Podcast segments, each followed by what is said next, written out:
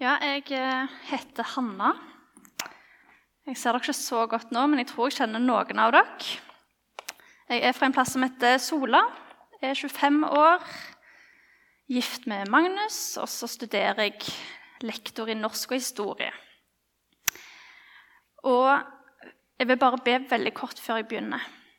Kjære Jesus, jeg ber om at du kommer nær nå, at du åpenbarer ordet ditt for oss, at du kan forandre oss.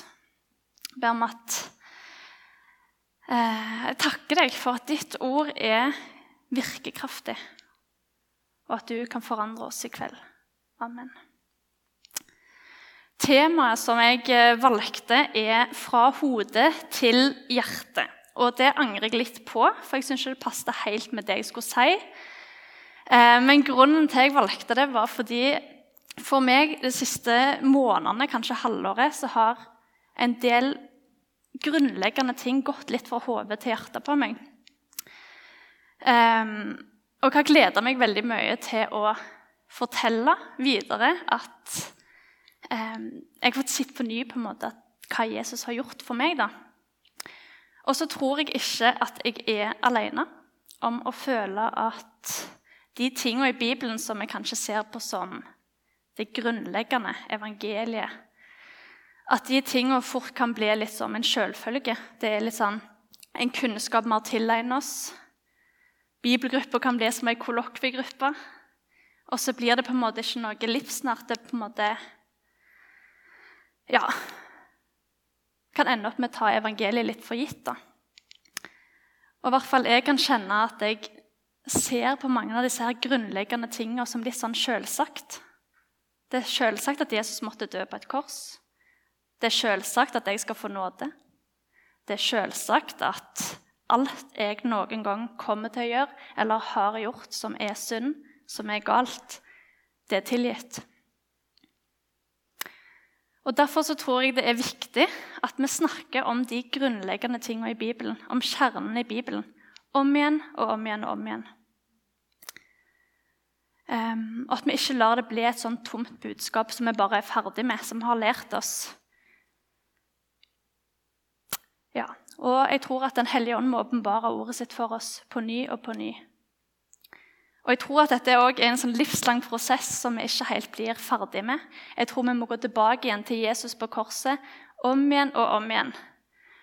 Og leve livet vårt med blikket vårt festa på Jesus. Og det tror jeg òg er en sånn daglig prosess. At vi må hver dag egentlig snu oss rundt, sånn at vi kan få blikket vårt festa på Jesus. Ja. Så det blir litt sånn back to the basics i kveld. Um, og jeg vil begynne med å lese noen vers fra Hebreabrevet, som jeg har blitt veldig glad i i det siste.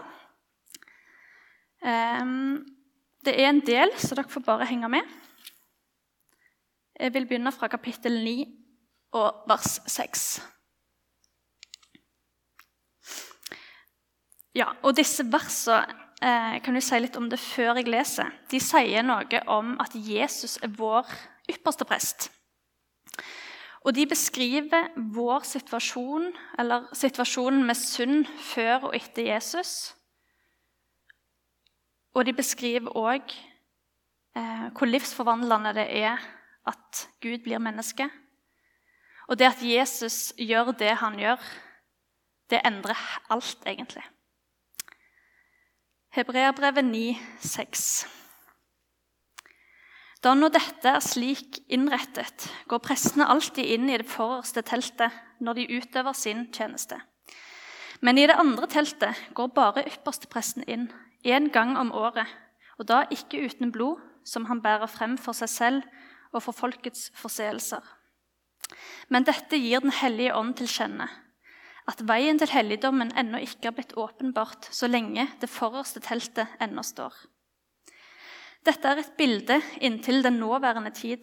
I samsvar med dette blir det så båret frem både gaver og offer, som ikke makter å gjøre den som tjener Gud, fullkommen etter samvittigheten.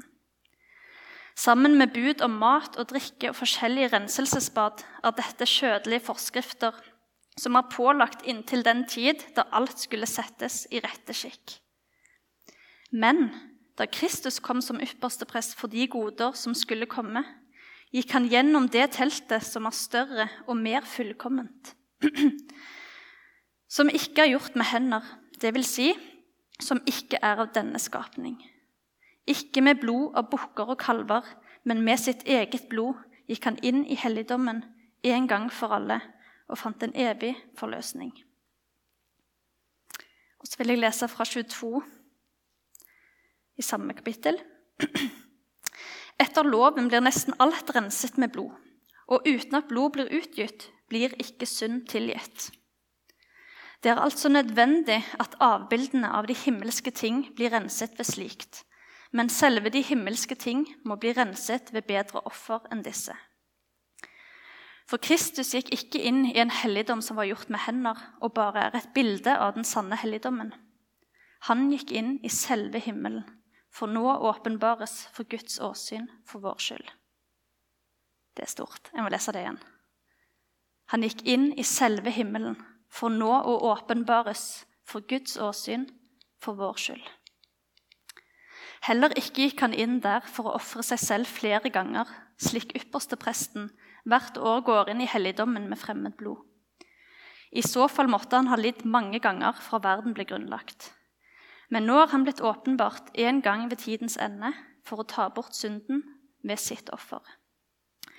Og like som det er menneskenes lodd en gang å dø og deretter dom, så skal òg Kristus etter hvert, eh, etter å være ofret én gang for å ta bort mange synder, annen gang vise seg, ikke for syndenes skyld, men til frelse for dem som venter på ham. Til slutt vil jeg lese fra kapittel 10 og fra vers 11. Og Hver prest står daglig og gjør tjeneste og bærer mange ganger frem de samme ofrene, de som aldri kan bære bort synder. Men Jesus har båret frem ett eneste offer for synder og har deretter for alltid satt seg ved Guds høyre hånd. Nå venter han bare på at hans fiender skal bli lagt til skammel for hans føtter. For med ett offer har han for alltid gjort dem fullkomne, som blir helliget. Det vitner også Den hellige ånd for oss. For etter at han har sagt, 'Dette er den pakt jeg vil opprette med dem etter disse dager', så sier Herren, jeg vil gi mine lover i deres hjerter og skrive dem i deres sinn. Og deres synder og deres lovovertredelser vil jeg ikke lenger minnes. Men der det er forlatelse for syndene, trenges ikke lenger noe offer for synd. Jesus forandrer alt. Ehm, I disse versene blir jo Jesus beskrevet som vår ypperste prest. Um, og ypperstepresten han var israelsfolket sin stedfortreder eller representant overfor Gud. Hans oppgave var å bære inn syndofferet en gang i året på det som kaltes den store sonofferdagen, eller eh, forsoningsdagen. Um, og den dagen, den store forsoningsdagen, har egentlig blitt et sånn eller det er egentlig et bilde på det Jesus skulle gjøre. For, og det er jo egentlig akkurat det disse versene sier. Jesus er vår ypperste prest. Han er vår representant og stedfortreder overfor Gud. Jesus ofrer seg sjøl for all verdens synd en gang for alle. Og så er dette her et fullkomment offer. Han trenger ikke gjøre det årlig det vil alltid gjelde. Det vil alltid være nok. Og så gjelder det òg for alle mennesker, ikke bare for israelsfolket. Og så står det at han går inn i sjølve himmelen. Ikke bare et bilde på himmelen, sånn som det aller helligste i tabernakelet var. Men han går inn i sjølve himmelen og stiller seg foran Guds åsyn for vår skyld. Jesu blod det har altså allerede blitt båret inn i himmelen. I det tempelet, på en måte, himmelens tempel, av vår ypperste prest. Og så vitner det blodet til evig tid om at Jesus har sona den synda. Og konsekvensen av det, det er at Gud ikke lenger krever noe oppgjør fra vår side. Ifølge Bibelen så er Gud forsona med oss mennesker. Vi har gjort opp med Gud, eller vil si Jesus har gjort opp for oss. Han har tetta det gapet som var mellom oss og Gud. Og Nå lengter Gud etter å få tilgi oss, til å gjøre oss til sine barn. Og så sto det i slutten av kapittel 9 at en dag så skal han komme igjen for å frelse alle de som venter på han.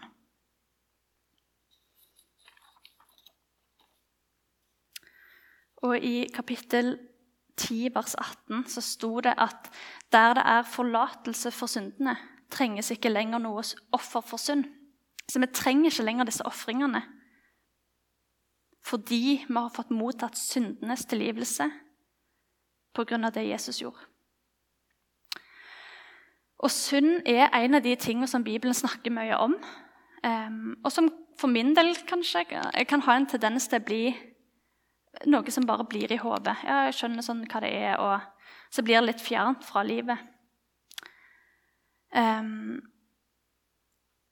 og i vår har det i hvert fall vært veldig utfordrende, men òg veldig fint å få se på ny hva er egentlig synd. Hva vil det si at jeg er en synder? Synd betyr egentlig å bomme på målet. Og målet ifølge Bibelen er Guds gode vilje for oss mennesker. Eller Guds lov. Um, ja. Og i 1. Johannes 3,4 så står det nettopp det. Hver den som gjør synd, bryter også loven, og synd er lovbrudd. Så ifølge Bibelen så er jeg en synder. Jeg er en synder som er nødt til å ta straffa for den synda jeg har gjort. Og så står det i Romerbrevet 623 eh, at eh, Først 623. Der står det at syndens lønn er døden. Um, og det vil si at egentlig så har vi fått eh, dødsdommen. Vi er dømt til døden fordi vi har brutt Guds lov. Fordi vi har brutt Guds gode vilje for oss mennesker. Og så Romerbrevet 3,23. Der står det at alle er syndere. Det er ikke forskjell. Alle står uten ære for Gud. Det fins ingen kristen elite. Og når du ser, eller, når du ser på synd som å bryte en lov, så er vi jo vant til rettssystemet i Norge at lovbrudd de får en straff. Um, og den som skal holde denne her dommen over oss mennesker, det er Gud. Det er ikke vår jobb, det er Gud som skal holde den dommen. Og kunne ikke Gud bare tilgitt, da? Måtte Jesus dø? Gud er nådige, men han er òg rettferdig. Og Derfor så vil han ta et oppgjør med ondskapen som er i verden. Han vil straffe synda. Han kan ikke bare ignorere og glatte over og late som det ikke skjedde. For det er umulig for en fullkommen god Gud. Det hadde ikke vært rettferdig hvis Gud så mellom fingrene på synd. Han er nødt til å ta et oppgjør med det, og han dømmer perfekt. Og han kunne jo latt oss mennesker gjøre opp for oss sjøl. At vi skulle ta den straffa vi fortjente. Og Derfor er det helt enormt egentlig at Gud velger å ta vår plass. Han velger å bli menneske og ta den skylda sjøl gjennom Jesus på korset. På korset der møtes Guds rettferdighet og Guds nåde.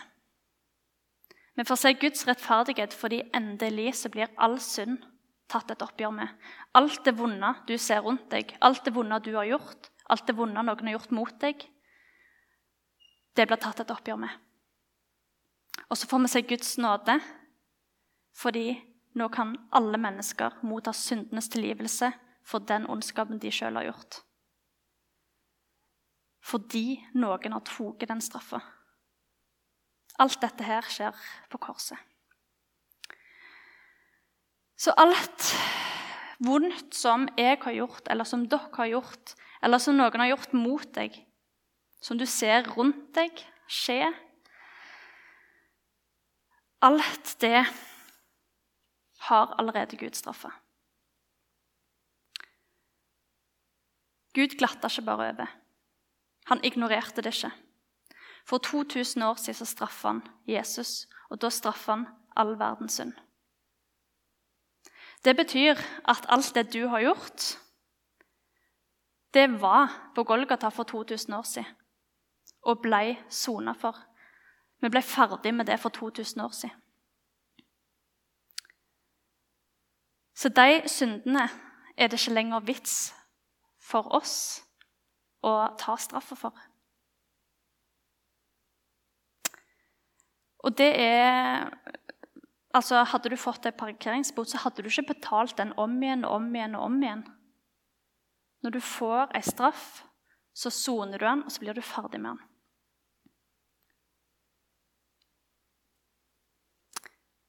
Og det som er trist, det er at det er ganske mange mennesker som går gjennom livet og ikke har lyst til å ha noe med Jesus å gjøre. Mennesker som Jesus døde for, som Jesus har ordnet opp for. Og så sier de nei, jeg vil ikke ha noe med det å gjøre. Og så er de nødt til å ta et oppgjør med Eller de må ta straffa sjøl. Og så vet de ikke, eller har, har ikke forstått at det er bare å ta imot tilgivelse. Og så er det kanskje enda mer trist at det finnes folk som ennå ikke har fått hørt at det er et alternativ.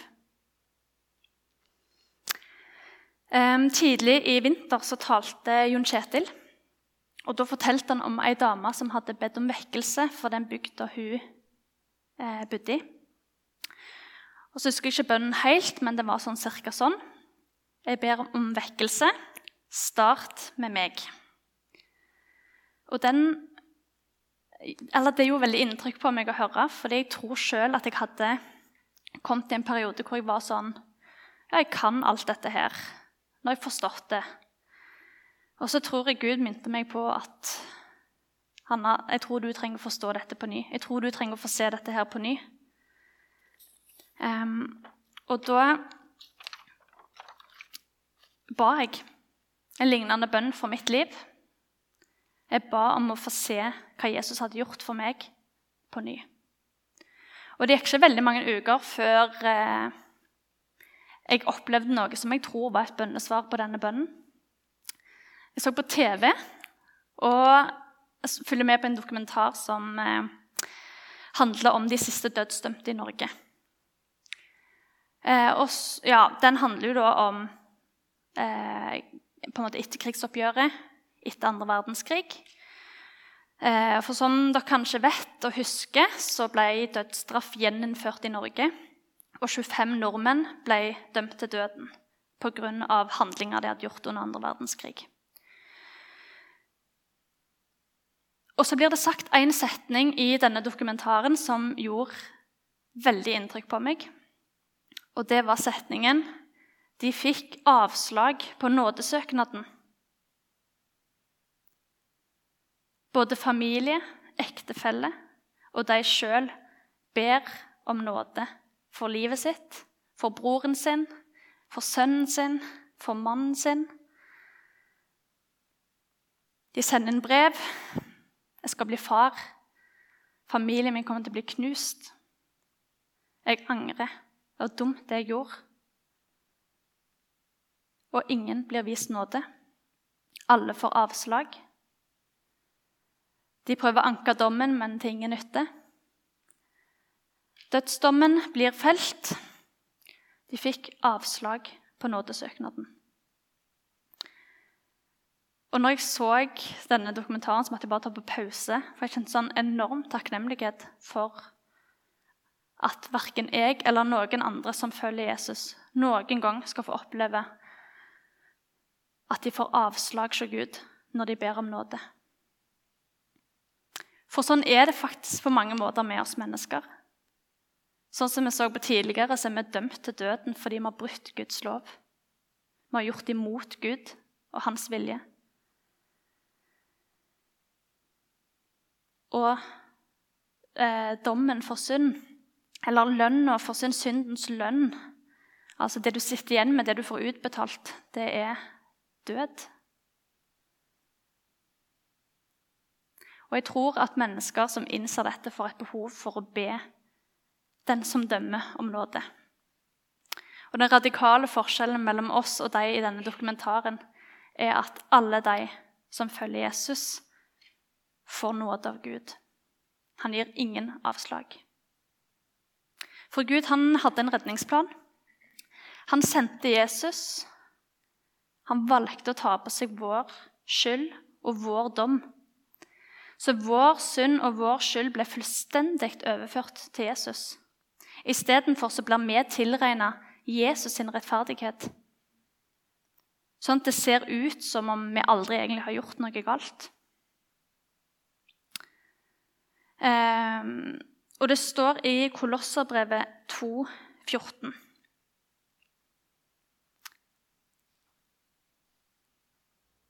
Han utslettet skyldbrevet mot oss, som var skrevet med bud. Det som gikk oss imot, det tok han bort da han naglet det til korset. Jeg elsker at det står 'utslettet'.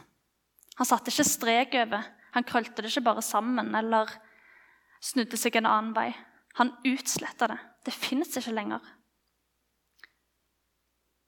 Med en gang vi tar imot Jesus som Guds gave til oss, så er våre synder forlatt og borte vekk mellom oss og Gud. Vi bytter på en måte plass med Jesus i denne dommen. Og Du kan prøve å se for deg det skje i en rettssak. Det er noen som er dømt til døden, og så kommer noen og sier du, jeg bytter plass. Jeg kan ta deg.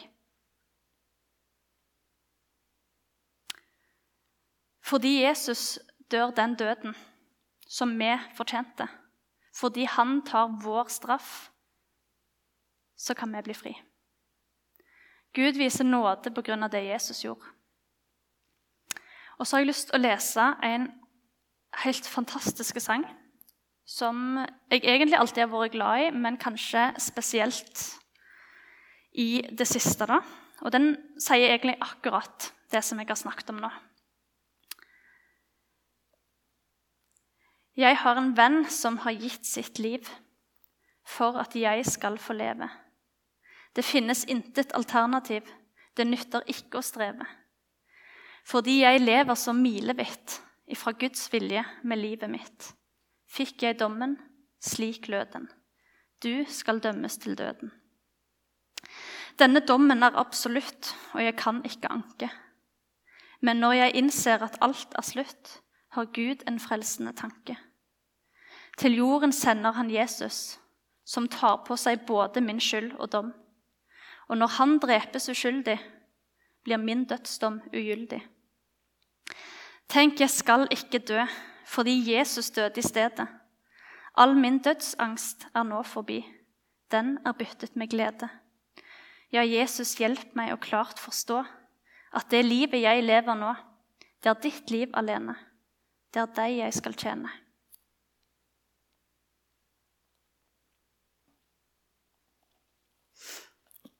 I Salme 32, vers 1 og 2, så står det Salig er den som har fått sin overtredelse forlatt og sin synd skjult. Salig er det mennesket som Herren ikke tilregner misgjerning, og som er uten svik i sin ånd. Jeg gikk inn på Norsk akademisk ordbok og søkte opp 'salig'. Og Der oversatte de det, eller forklarte det, med å være fylt av en dyp, intens lykke, eller å være fullkomment lykkelig. Så jeg leser lese de versene på ny. Vi bytter ut de ordene. Fylt med en dyp, intens lykke er den som har fått sin overtredelse forlatt og sin synd skjult. Fullkomment lykkelig er det mennesket som Herren ikke tilregner misgjerning, og som er uten svik i sin ånd. Det Jesus gjorde for oss, det må ikke stoppe opp her. Vi må jevnlig eh, gå til korset, få se hva Jesus gjorde for oss, og be om at Gud kan åpenbare det for oss. Og Det har vært veldig fint å få forberede seg og på ny få se ja, hva Jesus gjorde for meg. Og jeg er så takknemlig for at jeg har en Gud som møter meg med nåde. Jesus sier i Johannes 14, 14,6.: Jeg er veien, sannheten og livet. Ingen kommer til Faderen uten ved meg. Det eneste du trenger for å komme til himmelen, er Jesus. Så står det i Romerbrevet 8,1.: Så er det da ingen fordømmelse for dem som er i Kristus Jesus. Du får leve i nåden, du får stå i den. Nåden er ikke en hendelse, det er mer en tilstand. Hvis du har blitt vist nåde, så betyr det at du er fri. Hvis et menneske blir benåda i en rettssak, så slutter dommen å gjelde. Du frifinnes. Du er ikke lenger dømt. Så er det da ingen fordømmelse for dem som er i Kristus Jesus. Og så har jeg sitert eh, Romerbrevet 6,23, men da har jeg bare sitert halve verset flere ganger og sagt at syndens lønn er døden. Så jeg vil avslutte med å lese hele verset. Og igjen så sier dette verset at Jesus forandrer alt. For syndens lønn er døden, men Guds nådegave er evig liv i Kristus Jesus, vår Herre. Amen.